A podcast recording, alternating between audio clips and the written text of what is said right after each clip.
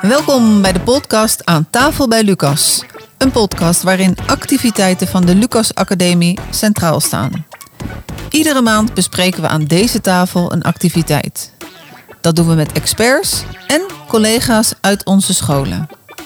Mijn naam is Annette Burgers en ik ben één van de presentatoren van deze podcast. Ik ben docent persoonlijke vorming bij het Edith Stein College. Deze maand bespreken we de activiteit De Gedragsparade voor het voortgezet onderwijs. Deze activiteit heeft plaatsgevonden op 11 oktober op Heldering Business School. Tijdens deze gedragsparade staat uiteraard gedrag centraal. Ieder mens is anders. We reageren, leren en gedragen ons allemaal anders. Dat maakt ons uniek.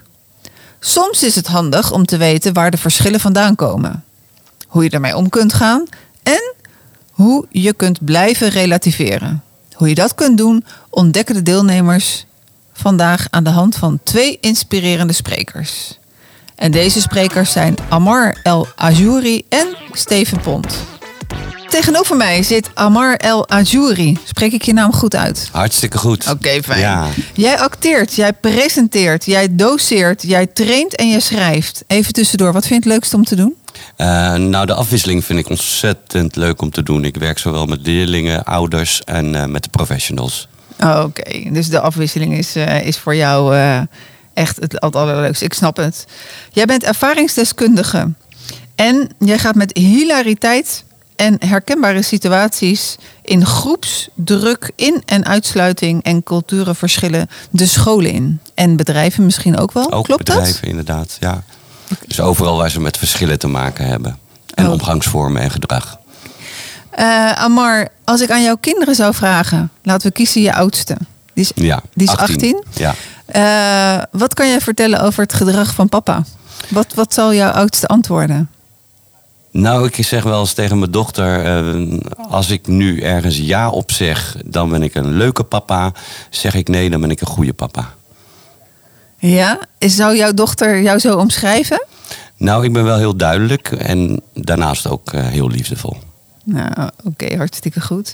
Ehm, vandaag de gedragsparade. Eh, wat, welke drie belangrijke boodschappen wil jij, wilde jij meegeven vandaag? Nou, wat ik heel belangrijk vind ook, eh, is om eh, nou ja, duidelijk te maken wanneer zitten we op eh, gezag en wanneer zitten we op contact.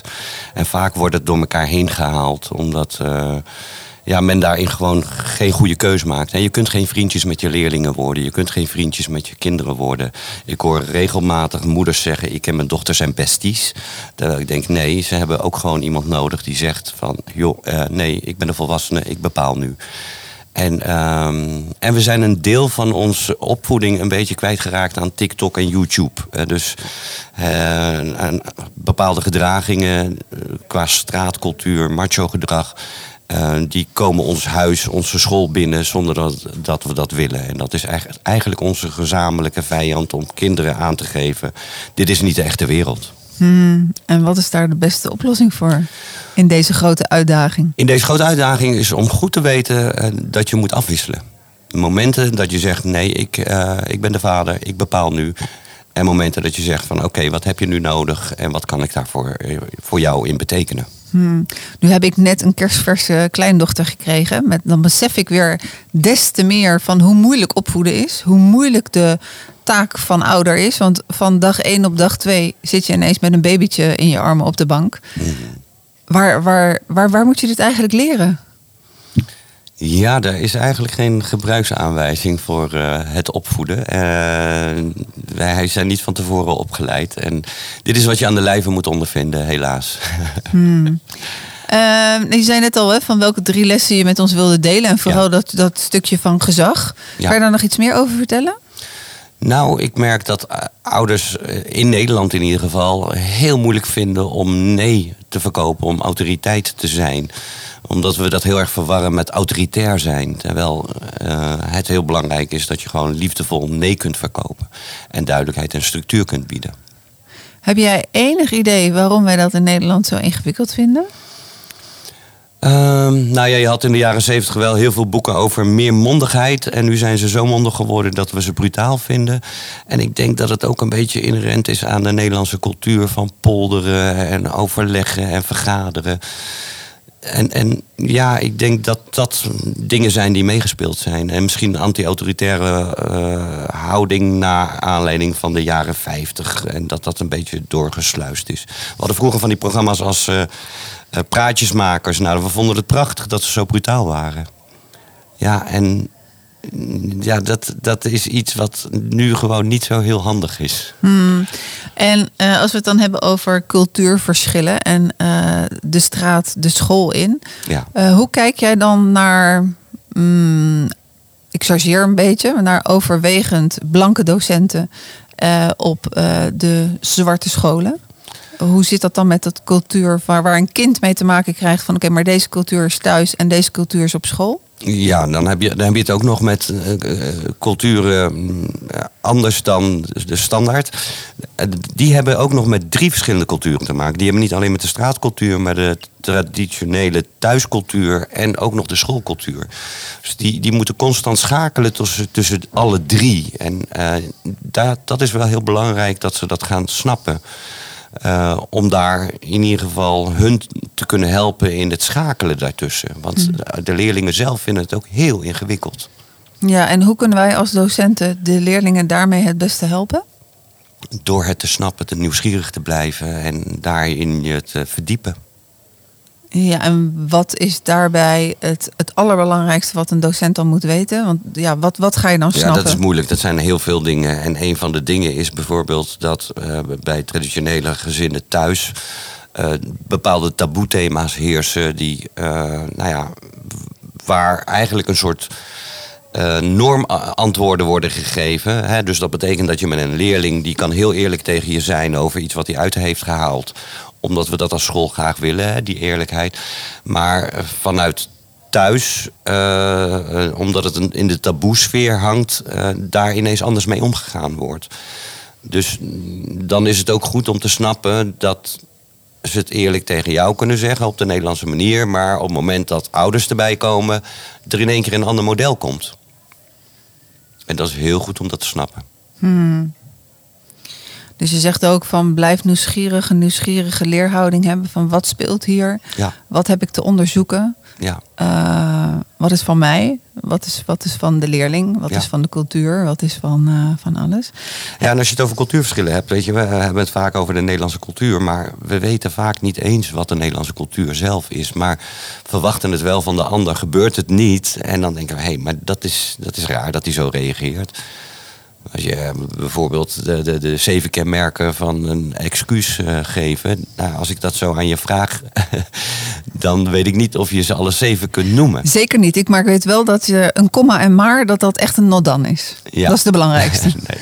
Nee, het, het, gaat vooral om. Uh, het, het, Nederland is een van de weinige culturen waarin je letterlijk moet toegeven dat je een fout hebt gemaakt. En wat je fout hebt gedaan. Iemand die te laat komt, die zegt letterlijk: Sorry, ik ben te laat. Nou, dat hoeft in een hele hoop culturen niet. Sterker nog, in Spanje uh, zeggen ze die vaas is kapot gegaan. Die zeggen niet, ik heb die vaas kapot gegaan.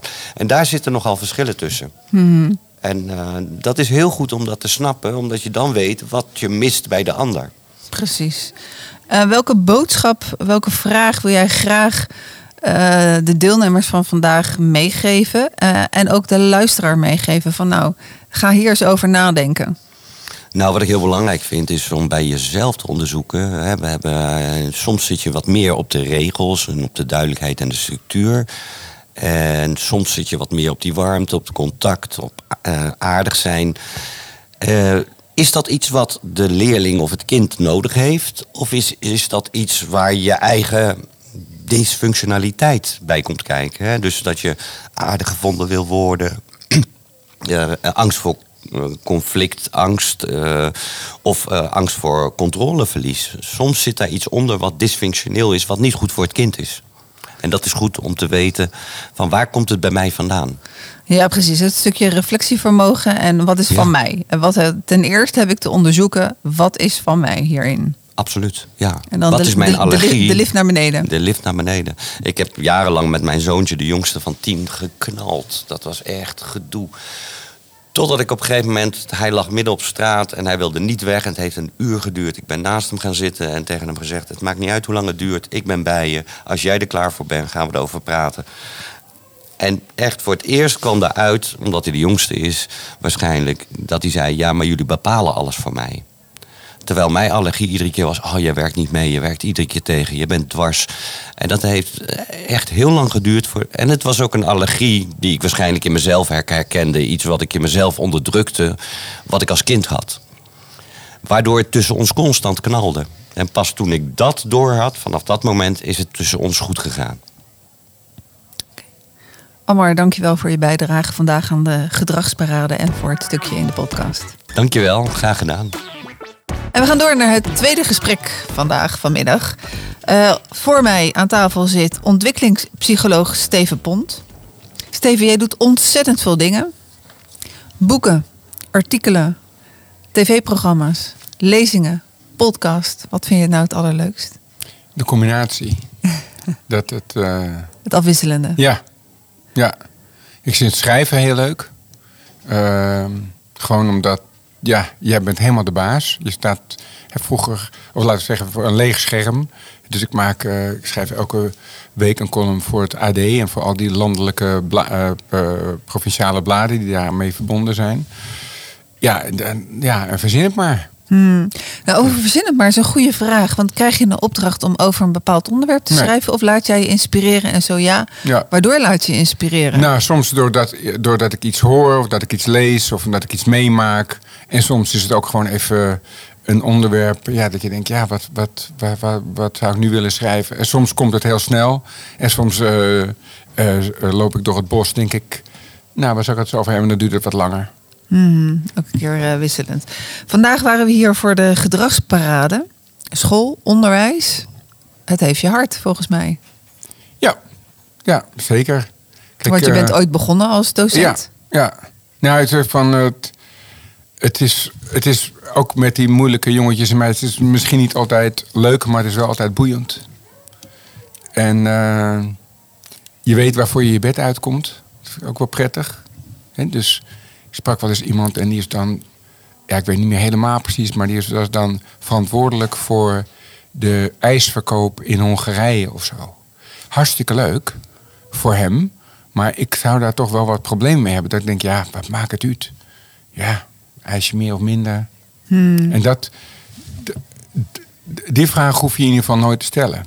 Als je, als je met kinderen werkt. Nee, absoluut. Wat heb jij, uh, volgens mij waren er 120 mensen. Uh, en er zijn natuurlijk ook nog heel veel luisteraars die uh, naar deze podcast luisteren. Wat was vooral je boodschap vandaag? Ehm, nou, dat er eigenlijk twee verklaringsmodellen van gedrag zijn. Namelijk, het komt uit het individu. En daarmee schroef je de zaak eigenlijk vast. Want dan zeg je, ja, maakt niet uit wat ik doe. Want dat is wie jij bent. Hè? Dus dat is die persoonlijkheidsleer. Die zegt, ja, je bent dit. En als je niet dit bent, ben je dit. En, ehm, en ik ben behalve ontwikkelingspsycholoog ook systeemtherapeut.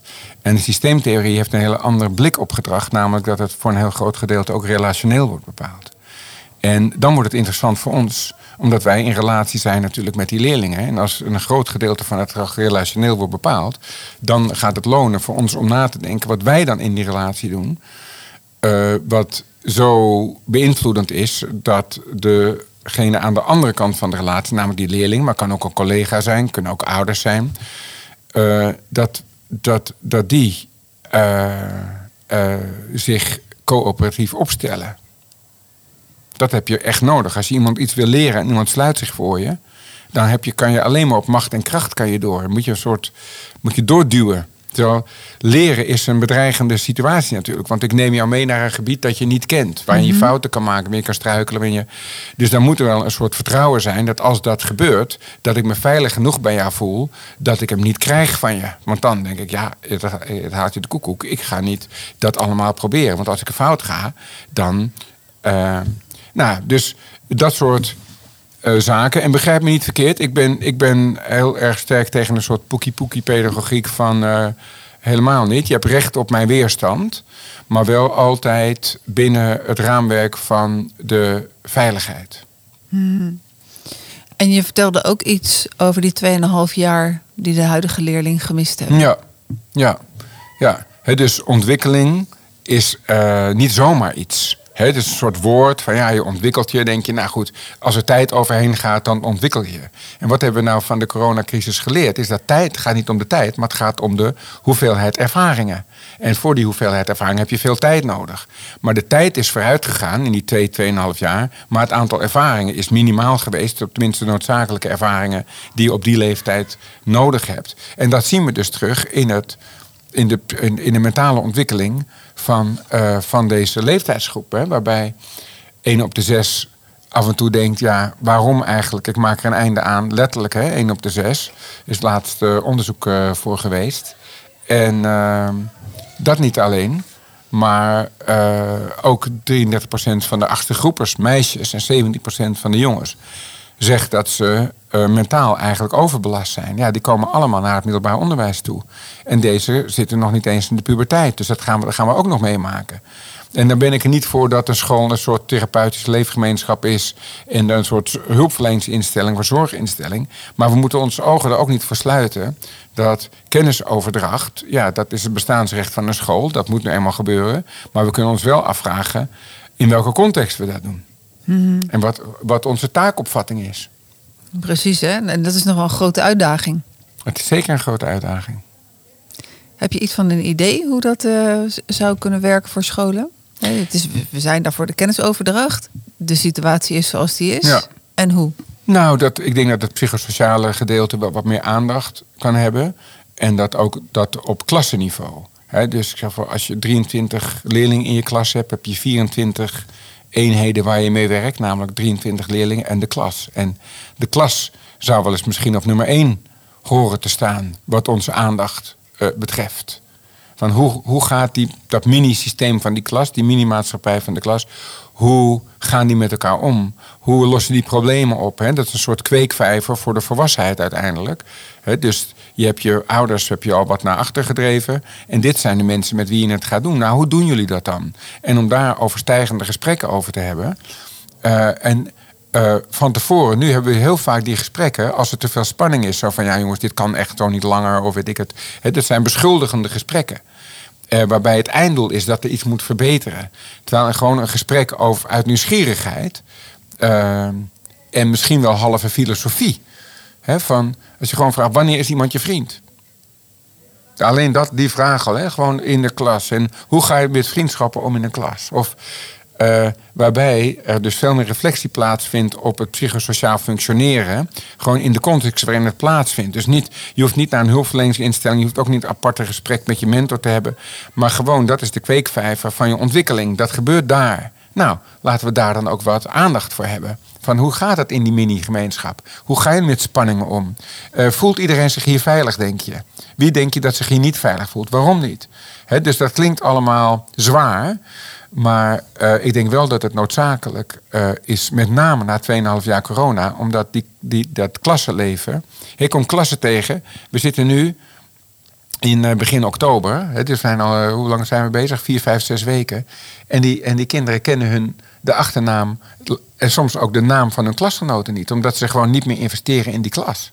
Mm. Ze hebben 2,5 jaar is dat, zijn ze dat verleerd. Ja, en dan uh, moet je ineens uh, in, in die klas zitten en dan gaat die pikorde natuurlijk weer, ja. uh, weer werken. Ja.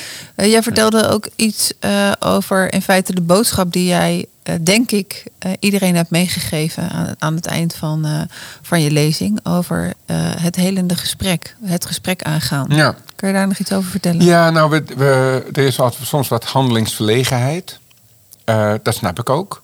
Omdat je denkt, ja, als ik het gesprek aanga, dan moet ik het ook tot een goed einde brengen. En dan moet ik wijze dingen zeggen. En ik moet een oplossing hebben. En ik moet een oplossingsrichting op zijn minst hebben. En dat blijkt niet aan de hand te zijn, zozeer. Dus alleen al het dat iemand werkelijk geïnteresseerd is en doorvraagt op je verhaal. En uh, doorgaat op wat je zegt. Dat, daar lijkt, blijkt al een hele helende werking van uitgaan. Omdat je jezelf daarmee je psyche ontlast. Op het moment dat datgene wat je belast, zodra, zodra je dat verbaliseert, en zodra je daar woorden aan geeft, dan uh, is dat, gaat daar al een helende werking van uit. Dus het gaat veel meer over interesse dan over wijsheid. Ja, je gaf er ook nog een mooie mee over keywords? Ja. Dus in het antwoord dat je krijgt, dat je, daar zitten woorden in, sleutelwoorden, keywords. Dat je denkt, hé, hey, dat is interessant om daar straks op door te gaan. Dus het voorbeeld wat ik gaf was die, uh, iemand die zegt, uh, uh, zeg van, dan reageert mijn vader heel heftig. Volgens mij zei ik zoiets. En, uh, maar uh, dit en dat, en maar school. En dan heftig is natuurlijk ook meteen een heftig woord. Dat je denkt, hé, hey, die moet ik eventjes in mijn emmertje stoppen. Dus niet meer, we heftig, maar de eerste helemaal uit laten praten. En op een gegeven moment is iemand leeg. En dat je zegt, ik wil heel even terugkomen op... je zei net dat je vader heel heftig reageert. Wat bedoelde je daar eigenlijk mee? En op dat moment, hij heeft mij al verteld dat het heftig is. Dus als ik tegen hem zou zeggen... oh, en uh, reageert je vader er heftig op? Of zo, hè? Dan vul ik in. Terwijl ik kan het niet invullen, want ik heb dat, die informatie net zelf gekregen. Dus ik kan nooit een te grote stap nemen... als ik doorga op wat jij me hebt verteld. Ja, dus dat is een manier om het uh, gesprek aan te kunnen gaan met, uh, met de leerlingen in ieder geval. Ja, en vooral om het gesprek, gesprek lopende te houden. Ja, dat is eigenlijk ook wel een stukje uh, interviewtechniek wat helemaal, er heel vaak helemaal. natuurlijk ja? gebeurt. Nou, ik zit af en toe schreeuwend tegen de radio. Omdat ik vind dat dat zo weinig gebeurt. Ik word echt af en toe, zit ik echt schreeuwend. Precies dit. Zegt iemand, weet wel, sporter. En dan wordt het, ja, dat was natuurlijk een hele ingewikkelde periode voor me. En, uh, maar daar ben ik goed uitgekomen. Ik zeg ja, maar en daarna was dus het EK. Wat was er ingewikkeld aan je periode? Yes, ja. dan word ik echt helemaal. dan sta ik echt brullend, zit ik in de auto. Ik zou heel graag docent zijn op de school voor journalistiek. Hmm, nou, wie maar, weet. Ja. Luister iemand. Maar oh wel, ik heb maar één lesje eigenlijk. en dat ene lesje, lesje is? Is dit. Is dit, is dit stuk van. Uh, is dit. Weet, het is, het, je ziet van zo, dat vind ik het school, basisschool schoolkant interview. He, want die hebben gewoon een lijst, hebben 15 vragen. En dan stellen ze je vraag en dan hebben ze een antwoord. Oh ja, en dan kijken ze op hun blaadje, vraag nummer 2. We hebben niet geluisterd naar het antwoord. Ik denk alleen, oh, we hadden die ook nog. Moest van mijn redactie. Weet je hoor, dan gaan ze naar de tweede vraag en de derde vraag. Ze luisteren niet echt. Nee, en als we hem terugkoppelen weer naar, uh, naar de school naar de leerlingen, naar de relaties onderling, uh, die van nu voor ontzettend groot belang zijn. We zijn gestopt is... met journalistenbesje. Ja, ja, precies. We gaan even, even, ja. even, even terug. Die knippen we eruit. dat weet ik niet, dat laten we over aan de, aan de redactie.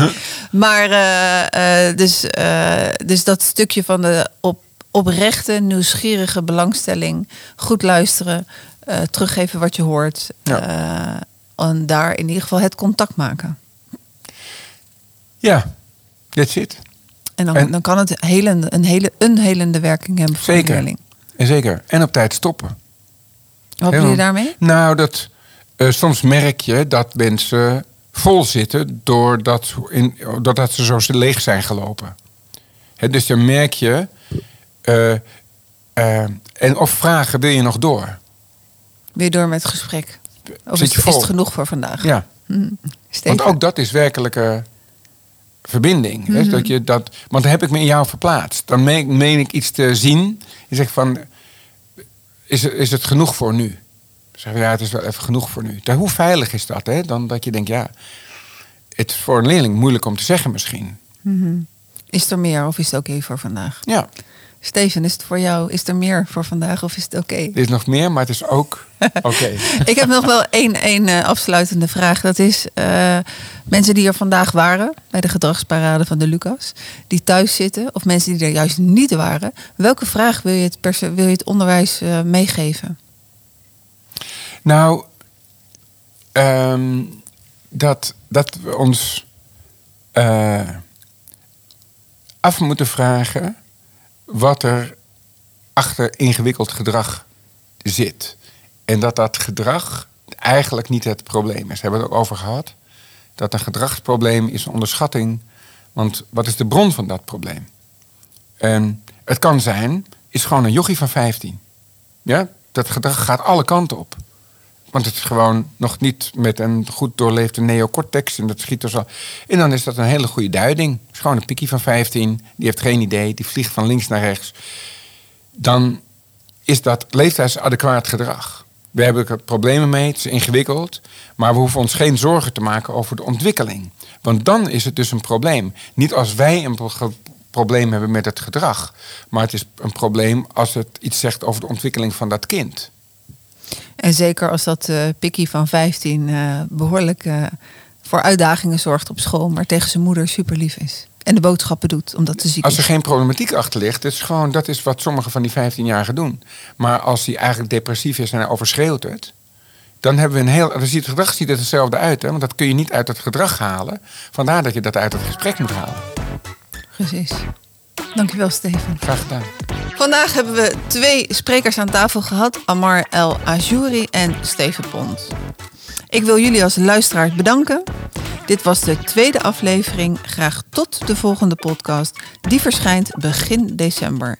De aankondiging volgt in de nieuwsbrief van de Lucas Academie. Tot de volgende keer.